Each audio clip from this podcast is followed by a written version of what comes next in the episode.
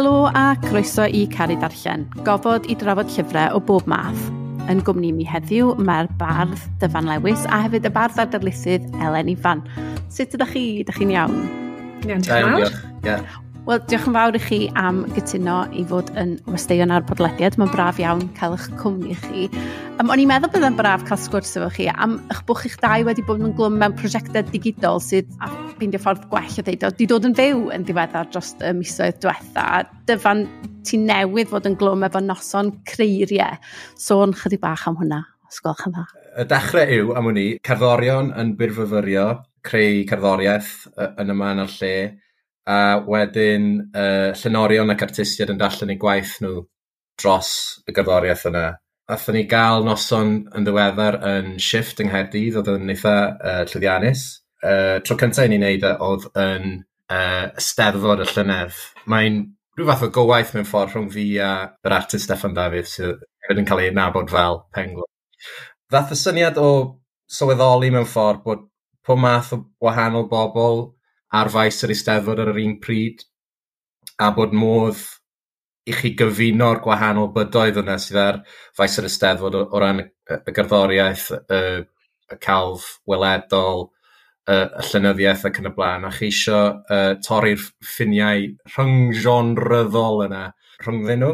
A mae'n rhyw fath o ysblygiad o'r, fel y ti'n sôn gyda, o'r wefan creiriau.cymru, lle gafon ni criw o artist, artistiaid a llenorion a cherddorion mewn gwirionedd i ddod at ei gilydd a creu gwefan. Dwi'n dwi, disgrifio fe fel rhywbeth o labyrinth celfyddydol, lle mae yna un darn uh, o gelf neu o lynyddiaeth yn arwain chi at darn arall sy'n arwain chi at um, rhyw ddarn sain, sy'n arwain chi at ffilm fer neu rhywbeth fel yna. Does dim rhyw fath o ffordd clir trwy'r labyrinth yma, mae'n rhaid chi jyst fynd trwyddo fe a ffindio beth chi'n ffindio. Ie, yeah, felly dyna creiriau. Ie, yeah, doedd y syniad i greu'r wefan yn y lle cyntaf. Nath y syniad am y wefan o um, fi'n sgwennu cerdd o'r enw taro'r dros Margaret Thatcher yng nghanol Caerdydd. A wedyn darllen hwnna i ffrind, a wedyn o'n i fel, dwi eisiau trial wneud cydweithio gyda pobl gyffredinol. Mae'r ffrind yma uh, yn, mae'n digwydd bod yn gweithio yn y byd theatr, felly mae, mae lot o gydweithio yn y byd theatr a, a, a ni'n eitha um, ifigeddus o hynna mewn ffordd fel uh, llenor, achos does dim rhyw lawer o gyfle i ti fynd a cydweithio gyda bobl. Felly, o'n i eisiau trio ffynio mas ffordd i cydweithio gyda pobl, a sydd allan hwnna fe, a nath e ddweud, wel, sut bydde ti'n rhoi hwnna mewn brief i rhywun? Sut bydde ti'n edrych, sut bydde ti'n gofyn am rhywun i wneud rhywbeth tebyg i hwnna, ond dim hwnna oedd y fath o beth. So nes i feddwl am hynna, a fath, ddath y gawed agored ar gyfer creiriau o hynna. Ac o'r cychwyn o'n eisiau fe fod yn rhywbeth lle oedd bobl yn cydweithio, a mae criw o bobl, dwi ddim yn cofio nhw gyd, felly dwi ddim yn mynd i ofyn, dwi ddim yn mynd i enwi nhw gyd nawr, achos dwi ddim eisiau pechu neu, ond oedd criw o bobl fod yn ystod y uh, clo a, a chyfarfod dros Zoom, a nath ni just dod lan gyda'r syniadau gwahanol yma, a un ohonyn nhw oedd, oedd, y, oedd y wefan rhyfedd yma, lle oedd pethau ddim cweit yn gwneud synwyr, uh, bod y darnau gelf yn ymateb ei gilydd, a'r, uh, galw popeth yn ddarn o gelf, ond y llun a'r celf weledol ac yn y blaen yn ymateb ei gilydd. Felly, o'r criw nath ymateb i'r alwad mewn ffordd, nath y syniad yna ddod, lot o just trafodaeth gyda Steffan wedyn o ran y steddfod a beth oedd yn bosib o fewn y steddfod a beth sy'n bosib gyfer dyfodol y steddfod a uh, faint o bechod yw, e, yw e mewn ffordd bod, bod y pethau ma'n digwydd ar y maes a bod pobl jyst ddim yn mynd i ymwneud gyda nhw. Os, os nad ydych chi'n ystyried ydych chi'n fel rhywun sydd yn ymddiddori mewn llynyddiaeth, mae'r syniad o'r babell len yn falle rhywbeth sydd yn scary, so o'n i trio meddwl, os eto allan ni ffindio gofod lle does dim ots am hynna mewn ffordd. Uh, chreu gofod lle oedd lle oedd pobl yn gallu dod ar eu telere nhw a just profi rhywbeth. Uh, falle na fydden nhw'n profi fel arall. Um, yeah, a, a dyna, dyna y syniad. Dwi'n dwi, ffeindio fan difyr a dwi'n meddwl, Elen, ti di cydweithio lot efo artistiad hefyd drwy dy, dy bamffled yslym oedd o'n rhan o'r cydweithio yna hefyd yn dweud bod ti'n ymateb i waith artistiad penodol. Wyt ti'n mwynhau'r elfen yna hefyd? Ie, yeah, a fel mae'n digwydd, o'n i'n rhan o'r digwyddiad um, creiriau cynta um, ar faes ysteddfod hefyd yn Tregaron. A ydw, fi wrth y modd yn, yn cydweithio, a oedd dyfan beth o ti'n gweud fan ynglyn â fel bod ni mor braf gallu cydweithio, ond bod e ddim yn rhywbeth sydd... Fi'n gwybod, fel, falle bod ni ddim fel sgwenwyr yn gwybod siwt i wneud yn dda iawn. Fi wedi bod yn cydweithio neu mae'r um, yr, yr cydweithio sydd yn ynghlwm gyda um, ystlym yn dod o, o ddau beth gwahanol mewn ffordd. Felly, oedd un o'r darnau sydd yn ystlym, un o'r cerddi sydd yn ystlym, oedd yn ymateb uniongyrchol i ddarn o waith gan artist o'r nhw Hannah Campbell. A mi gafodd hynny i i greu, neu dath yr cydweithio hwnnw um, i, i fod drwy um, gwyl y ferch. Oedd gyda nhw brosiect eto yn ystod Covid, cyfnod Covid. Oedd hi'n rhyw brosiect gydweithredol er mwyn hybu cydweithio rhwng menywod creadigol yng Nghymru. Felly ond o ti jyst yn cael dy matcho lan gyda rhywun a ti'n cael darn o waith a o ti gorfod jyst creu rhywbeth yn ymateb i'r darn yna. Felly, o dim syniad gyda fi beth o'n i'n mynd i gael, a mi ges i collage um, gan Hannah Campbell a nes i greu y darn um, Vanessa Cardwy yn, yn ymateb i hynny. A wedyn, mae'r cwbl o ddarnau eraill yn y bamffled sydd hefyd yn ymateb i waith celf gan un o'n ffrindiau pennau i Shannon Haswell sydd yn artist um, gweledol, celf gweledol. A eto yn ystod cyfnod Covid, fi'n meddwl mae rhywbeth ynglyn â'r cyfnod clo a bod pawb wedi tymlo'n eitha stuck yn ei tai a tymlo fel bod angen rhyw fath o gysylltiad. Oedd, oedd gyda'r gyda, gyda ddwy ohono ni rhyw fath o ysfa i greu rhyw gysylltiad creadigol er bod ni, y ddwy ohono ni wedi bod yn creu ar wahân ers blynyddoedd. A nath i hala cwbl o ddarnau i fi a wedodd i, o, tybed os lyca ti sgwennu rhywbeth yn ymateb i rhain, a mi nes i. A mae'r cydweithio yna wedi parhau Eto, felly mae Shannon wedi ymgorffori un o'r darnau oedd yn ymateb i ddarn gwreiddiol ganddi hi mewn i ddarn o waith celf gweledol newydd. Felly mae'r fel, mae'r mae cydweithio yna, mae'r broses greadigol yna um, yn dal i fynd ymlaen. Mae newydd, mae wedi rhannu rhywbeth yn, yn ddiweddar ar, um, ar ei Instagram hi hefyd yn ymateb i ddarn arall nes i anfon iddi. Felly, ie, yeah, mae'r mae cydweithio yna'n braf iawn a mae fe'n rhoi, yn bach o hob, mae fe'n weithiau'n rhoi just rhyw ysgogiad i, i greu rhywbeth, achos mae'r ma, ofn y dudalen wag yn eitha, mae hwnna'n ma hwnna rhywbeth real. Ydy, a mae'n ddifur y, y, y, y sgwrs sydd rhwng yr artistiaid a sut mae, mae weithiau chi'n gallu datblygu bywyd newydd o fod yn ymateb i'w gilydd yn ddifur iawn. A dwi'n meddwl beth sy'n ddifur hefyd ydy bod, bod hyn o brosiectau sydd wedi digwydd yn sgil Covid i raddau helaeth, bod, bod, bod na rhyw awch i fod yn greadigol mewn cyfnod lle oedden ni'n gaeth. Wyt ti'n meddwl bydde creiriau wedi datblygu yn yr un ffordd pe bai ni ddim mewn cyfnod clo? O, o ran y wefan, dwi ddim yn meddwl ni, na.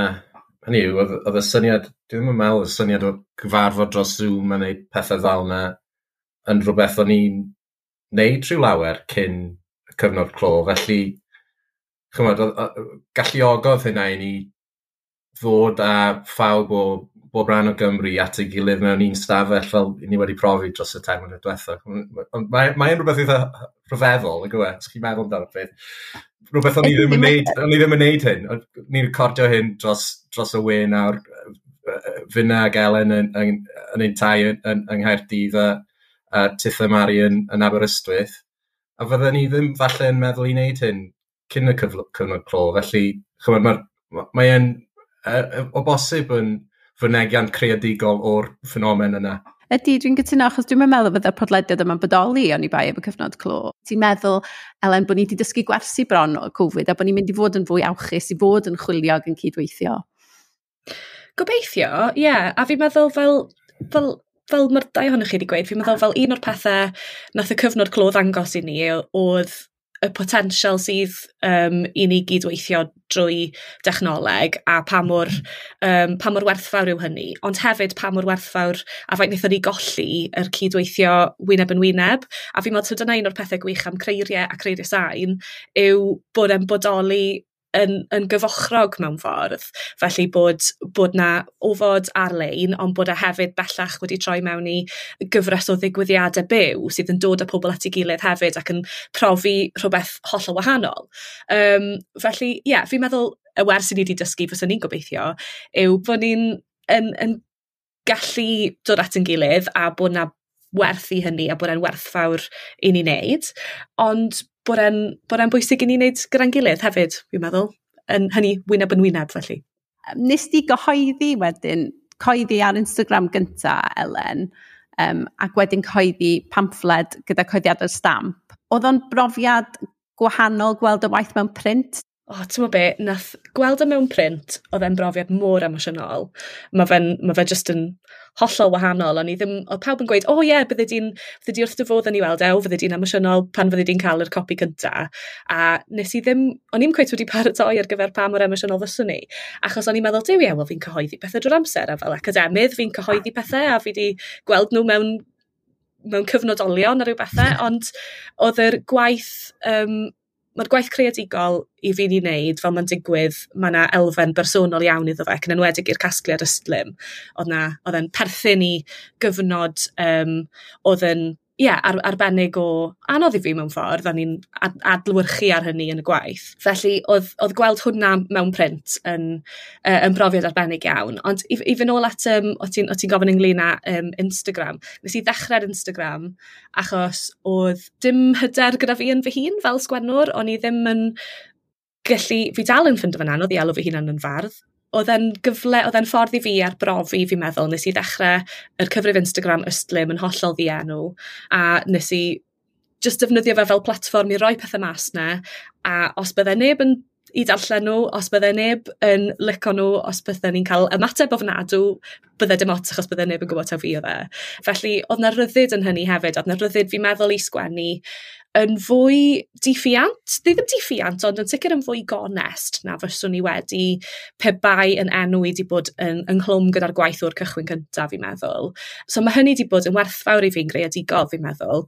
Mae wedi rhoi cyfle i fi archwilio bob posibilrwydd mewn ffordd.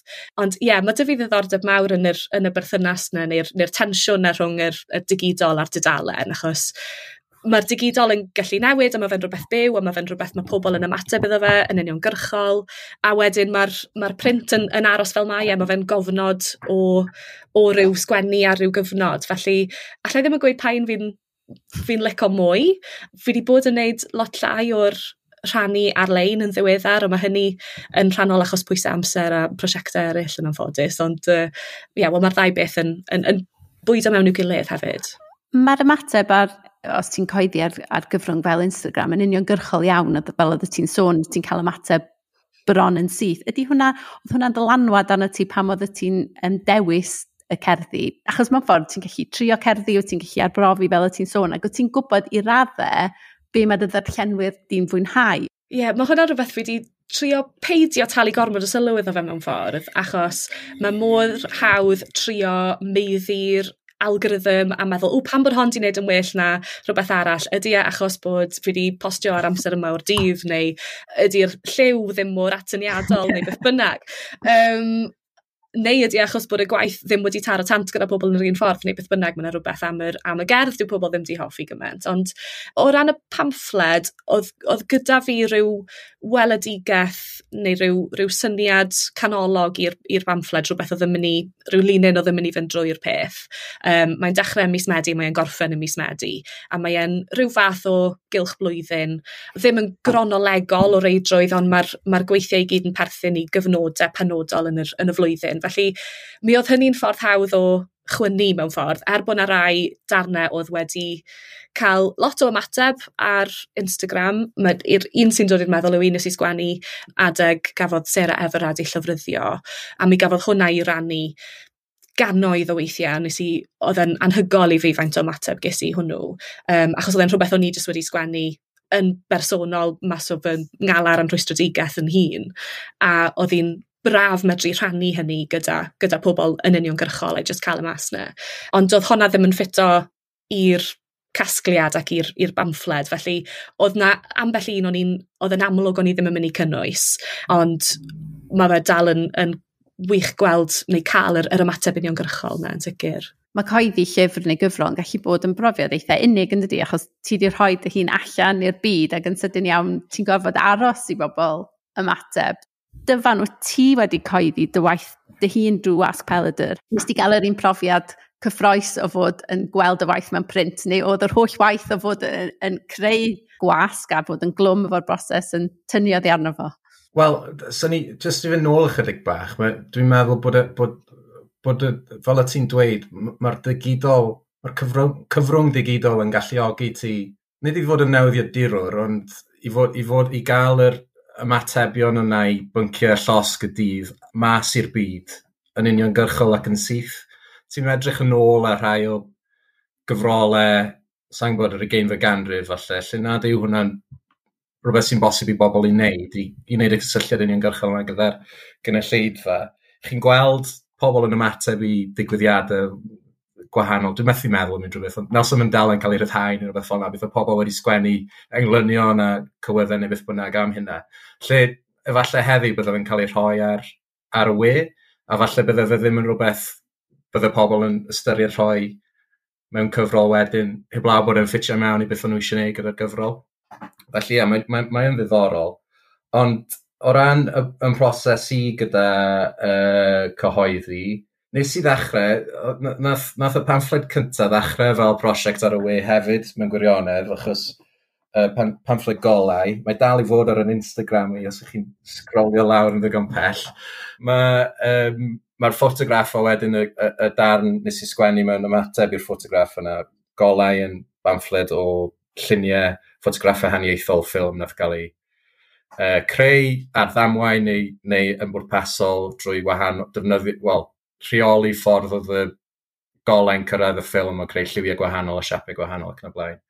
Felly ie, ar Instagram nath yna ddechrau, a wedyn o'n i'n postio un bob wythnos yn arwain lan at cyhoeddi pamffled a'i werthu fe yn yr Eisteddfod y flwyddyn yna. Dyna oedd y prosiect creadigol cyntaf uh, nes i.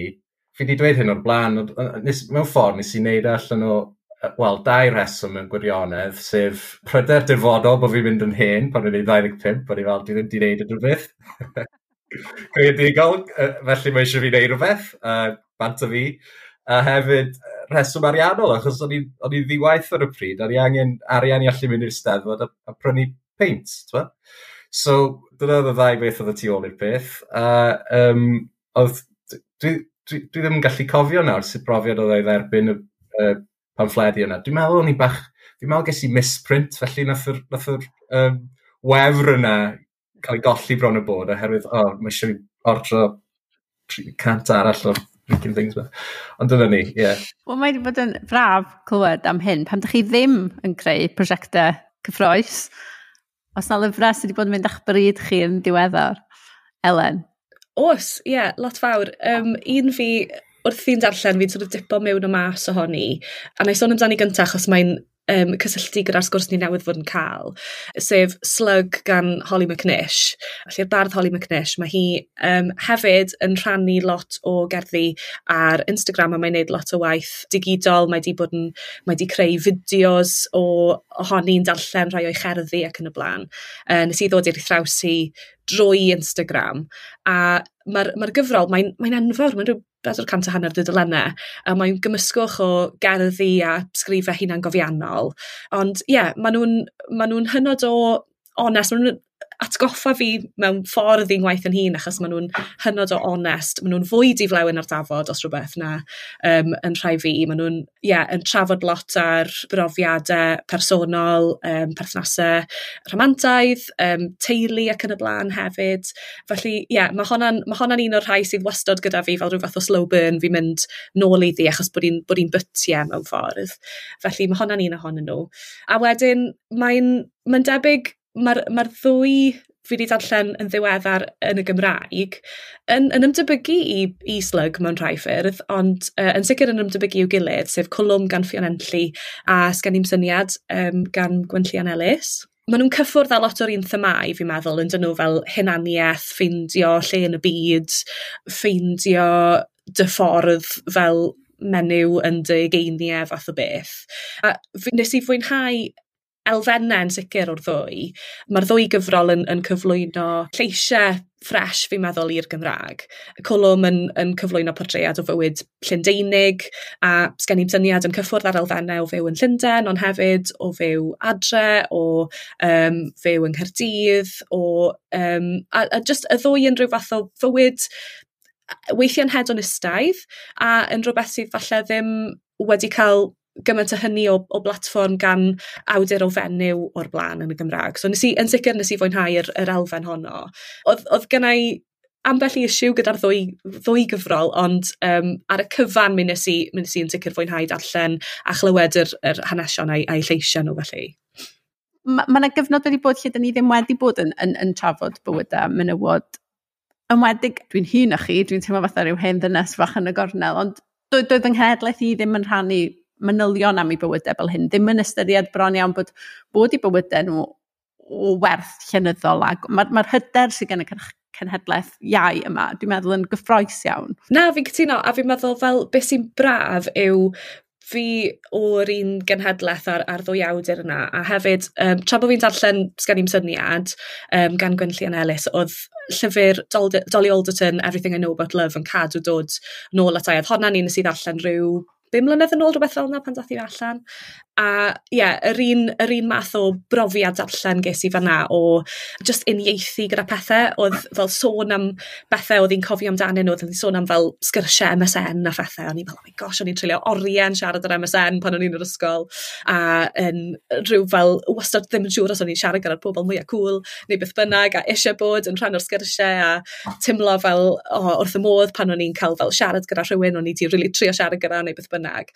A yn yr un modd, oedd na lot o bethau o'n i'n uniaethu gyda nhw yn, um, yn ysgrifau Gwenllian Ellis. O'n i'n tymlo weithiau fel bod i'n cyffwrdd ar bethau rhy gyflym a bod i'n bod i'n gadw nhw fynd. Oedd e'n tymlo tym bach yn bytiog a tym bach yn, yn frysiog ar adegau. Ond, um, yeah, o'n i'n hoff o'r, or rhestre oedd gyda hi yn y llyfr hefyd a um, i, i defnydd hi o'r aseitiau hefyd oedd yn rhyw fath o gwmpasu thema'r benod. O'n i'n lyco hynny fawr just i ategu at beth chi wedi bod yn dweud, a, a ti yn gweld dylanwad Dolly Alderton, ond, ond, ond bendant, mae'n mae, mae, mae wych cael rhywun o'n cenhedlaeth ni yn ysgrifennu am brofiadau yn cenhedlaeth ni, uh, a, a gwneud hynny mewn ffordd mor onest a uh, uniongyrchol, a, a hynny gan fenyw hefyd, felly ie, yeah, just, i, just i ategu at yna. Be dwi'n meddwl sy'n difyr ydy, dydw i ddim o'ch cenhedlaeth chi, ond mae yna bethau yna fo, dwi'n gallu uniaethu lot efo fo, a mae yna bethau sy'n dechrau'n byd sydd ddim wedi newid. Fi'n meddwl mae yna elfen o unrhyw lyfyd sydd yn ymwneud gyda themau fel coming of age sydd yn mynd i fod yn berthnasol i bob genhedlaeth wastod, fi'n meddwl. Mae'r mae profiad, fi'n meddwl, wath pryd mae rhywun yn dod i oedran neu'n mynd trwy arddegau hwyr a'i geiniau nhw, mae'r ma teimladau yn mynd i fod yn debyg waith bynnag pryd mae rhywun yn neud hynny.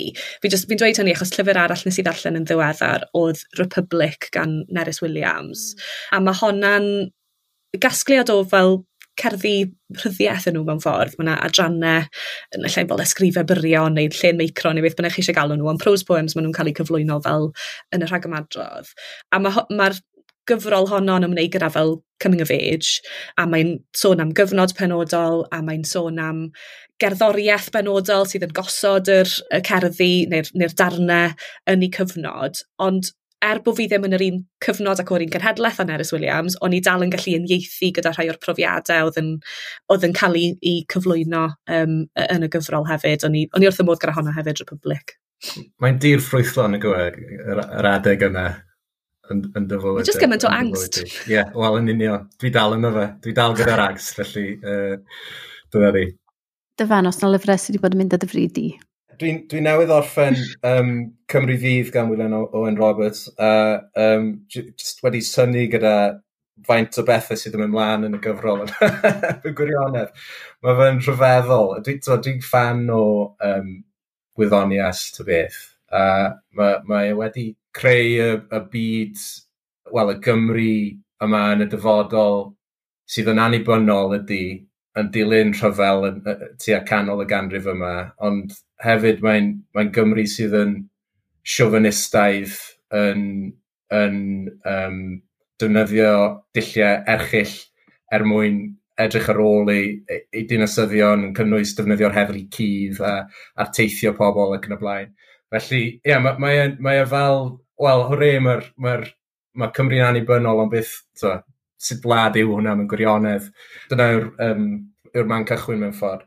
Ie, yeah, felly, so, dwi dal i fod yn prosesu'r peth, dwi wedi gwir, achos, fel o'n i'n dweud, mae yna gymaint o syniadau mewn na, a fi'n teimlo fel bysau um, awdur arall wedi sgwennu, gyda digon o ddeunydd i sgwennu pimp nofel gwahanol, bosib, ond um, mae ma William Owen Roberts di llwyddo i gyfannu'r holl themau yna, pethau yna mewn i un peth, a hynny yn llwyddiannus, dwi'n meddwl. A dwi jyst wedi syni gan, gan y grefft yna, o allu, o, o allu adros stori dros gyfnod hir o amser, a, a yeah, mae wedi mynd ati i wneud hynna.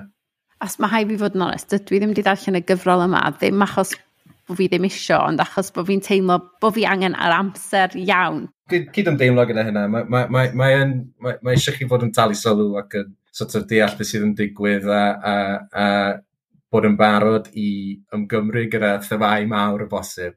Ond mae lot o hiwmor o phethau yma fe hefyd, mae'n sôn amdano, um, mae'n llinell eitha doniol, achos mae'n beth sydd wedi digwydd yw, mae um, criw o Gymru di Gymraeg wedi cael ei gwythio mas o Wladwriaeth Cymru, wedi creu rhyw fath o llain rhwng Cymru a Lloegr sydd wedi torri mewn i pedwar tiriogaeth gwahanol a maen nhw'n rhyw fath o ffoaduried, reit?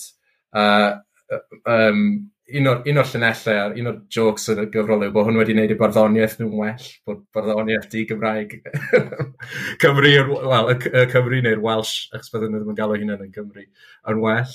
So, ie, yeah, mae just, just chwarae, chwarae gwmpas fel yna, a, a bach, o, bach o hwyl yn rhan o heno fe hefyd. Ie, yeah, mae ma, ma just mor llawn dop, a dwi dal i fod yn ceisio gweithio mas, twa beth sydd yn digwydd. A mae yna ma na, ma na yn bendant rhwng sefyllfa Israel a Palestine a, a chymod, byddai'n bosib i rhywun i ddarllen y, y nofel fel sylwebeth ar hynna, sylwebeth ar polisiau gollywinol pan mae'n dod at imperialaeth newydd a sut maen nhw'n cadw'r gyfundrefn bydol o maddi ar hyn o bryd a beth yw'r tactegau maen nhw'n neud hynna. Felly, ie, yeah, mae'n ma n, ma, n, ma lot, ma lot i yno fe. Oes yna gyfrol eraill sy'ch chi'n hoffi trafod?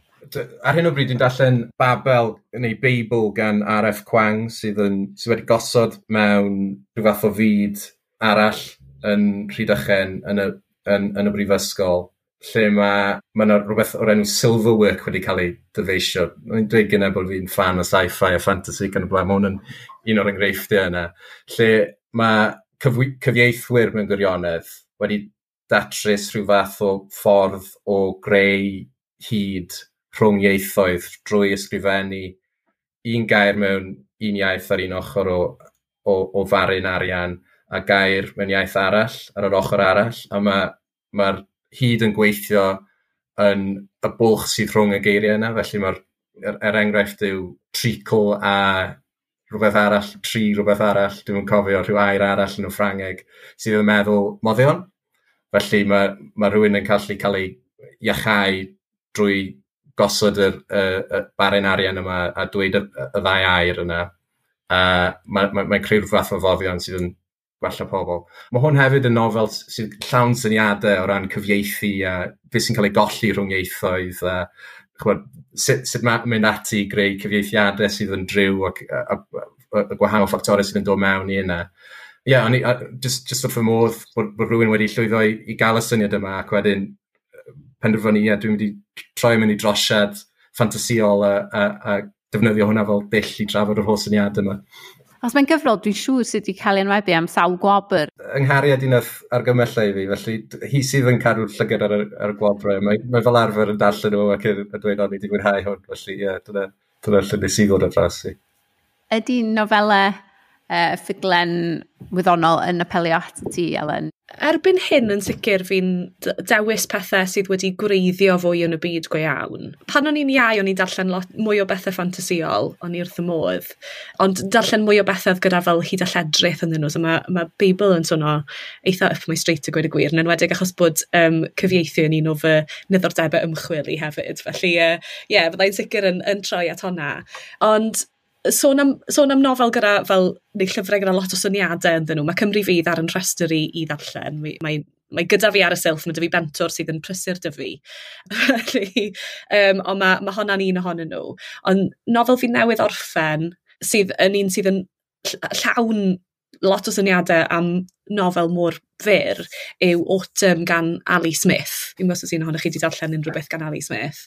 A eitha argraffiadol, rhyw vignettes mewn ffordd, fel hmm. penodaeth a byr, a mae yn y berthynas ganolog neu'r syniad canolog fi'n meddwl yw'r peth mwyaf llwyddiannus amdano fe, sef um, berthynas sydd yn pontio cenedlaethau rhwng Elizabeth a i um, chymydog dros nesaf pan oedd hi'n fach Daniel, a y berthynas honno sydd wedi sy para drwy hoes nhw. Um, a mae yna adrannau eitha bryddwydiol sydd yn bron yn rhywbeth o magical realism, mae yna um, adrannau sydd yn fel yn olygfeidd hollol ddiflas a hollol, beth yw'r gair, fel um, fel bron yn fel rwystredig o boring uh, mewn fel mewn swyddfa bost ac yn y blaen. Um, mae'n tyd y chwarae gyda'r y ffaith bod pobl yn aros mewn cyw a rhyw bethau. A mae hefyd, mae'n stwff am gelf, mae Brexit ynddo fe hefyd, mae, mae Christine Keeler yn ymddangos. Fel, mae'n gymaint o syniadau gwahanol, mae gymaint o bethau gwahanol. O'n i'n teimlo falle bod bach gormod o elfennau ar y degau, ond mae'n mae clymu nhw'n plethu nhw'n yn eitha celfydd. Um, so nes i, nes i fwynhau honno a mae yna rhywbeth eitha barddonol am ysgwennu hefyd a um, oedd, oedd hwnna'n rhywbeth nes i fwynhau. Nes i roi fe um, nghariad i ddarllen wedyn a nath e ddim mwynhau hi gymaint o gwbl. Nath e ddweud, um, nath e ddweud o oh, ie, yeah, wel, fi'n hanner, hanner o hwn fi wedi mwynhau, a hanner ddysgen ddim mynedd gyda fe o gwbl. Felly, fi'n siŵr pwy adranodd gyda fe ddim mynedd gyda i, ond nes i, o'n i'n meddwl bod i wedi cael ei sgwennu'n eitha prydferth y gwyr y gwir. Mae wastad yn anodd yn dydi, pam ti'n trio deud wrth rhywun, mae'r llyfr yma yn anhygoel, neu ti'n ti mynd i wir am, mae'r siom, pam dys yn neb yn cytuno efo ti, mae'n fatha, be, beth sy'n bod efo chi? Oes na lyfr ydych chi'n edrych ymlaen yn benodol at i ddarllen dros y misoedd nesaf? Cymru fydd yn sicr. Fi hefyd yn mynd i droi at Beibl yn dilyn y sgwrs hon. Fi es i'n gweld cynhyrchiad Theatr Gen o Pidgin a nes, fi rioed i darllen y nofel. Fi wedi cael benthyg hi, felly fi'n mynd i droi at honna nawr um, yn y man. Nath yr uh, uh, perfformiad o Pidgin yn llorio ein llwyr. A mae'r ffordd mae Beth yn Malw wedi cyfleu y themau ag ati, mae o'n drosiad mor drew i gyfrol Alice Conran. Mae o'n mae bendant yn sicr yn werth darllen pidgin. Wyt ti'n mynd i ddarllen mm. hi'n Saesneg neu'n Gymraeg? Yn Saesneg, fi'n meddwl. Ie. Yeah. Dyfan, os na lyfrau sy'n mynd i, ti'n edrych ymlaen at i darllen? Um, yeah, dwi, oh, wel, dwi'n dwi siŵr, yr un nesaf dwi eisiau darllen, dwi'n siŵr os i'n edrych ymlaen, yw um, Steering the Craft gan Ursula K. Le Gwan, sydd, mae hi'n, unwaith eto, mae'n uh, awdur gwyddonias, un o'r awduron gwyddonias mwy arbennig sydd yn, yn bodoli, dwi'n meddwl. Mae, llyfrau hi Left Hand of Darkness a, a um, The Dispossessed yn wych, ond mae hefyd ei llyfrau plant i um, yr Earth Sea, y, y, y drioleg Earthsea yn dda iawn. Ond mae, mae hi wedi sgwennu llyfr ar, ar, ar y grefft o ysgrifennu. Dwi, dwi wedi bod, hynny yw, dwi wedi cyrraedd rhyw bwynt o ran fy nghrefft i gyda ysgrifennu, lle dwi'n eitha hapus, yn ddiddorol, Helen yn sôn ynglyn â cilchoedd gyda'r cilch blwyddyn. Dwi'n dwi, dwi diaddol o weld straeon fel cylchoedd. Felly, a, a dwi'n meddwl, mae hwnna'n rhywbeth sydd yn eitha, yn fyll eitha gorllewinol o edrych ar straeon. Mae'n rhywbeth sydd yn digwydd, os chi'n edrych lan Story Circle a'r Hero with a Thousand Faces gan Joseph Campbell, mae'n ma, ma, ma ddylanwad mawr y sgriptiau Hollywood ac yn y blaen. Felly, dwi eisiau treol dod i ddeall ffyrdd eraill o edrych ar straeon a, a, a, a chrefft straeon, a mae ma, ma, dall, ma hefyd mae'n sort of gysylltiedig gyda Cymru Fydd oherwydd Oedd hwnna wedi rhoi at ei gilydd mor, mewn ffordd mor gymleth. a ti'n gallu dweud bod, sori fy nôl eto, na ti'n gallu dweud bod William Owen Roberts yn rymodydd neu'n sgriptiwr teledu oherwydd y ffordd mae'n gosod golygfeidd a bod golygfeidd bod yna eiliadau pwysig yn digwydd mewn bywyd rhywun drwy gyfnod amser. So ie, yeah, dyna, dyna lle dwi eisiau mynd nesaf o ran darllen, ceisio dod i ddeall hwnna'n fwy a, a trial mynd y tu hwnt i'r um, i'r ffordd dwi'n edrych ar hyn o bryd o straeon ar, ar, Hero's Journey, sef beth oedd Joseph Campbell wedi dyfeisio neu lyfrau. O gwych, edrych ymlaen at felly at sut bydd bydd y syniadau yna'n datblygu fod yn brosiectau digidol newydd. Da chi'n gweld, dwi wedi dod o bob dim mewn, o, mewn cilch, fel, o, dwi'n teimlo'n slick. Cofiwch bod yr holl lyfrau da ni wedi trafod ar gael o'ch siop lyfrau neu eich llyfgell leol. Diolch yn fawr iawn am eich gwmni chi, mae wedi bod yn braf iawn cael sgwrs.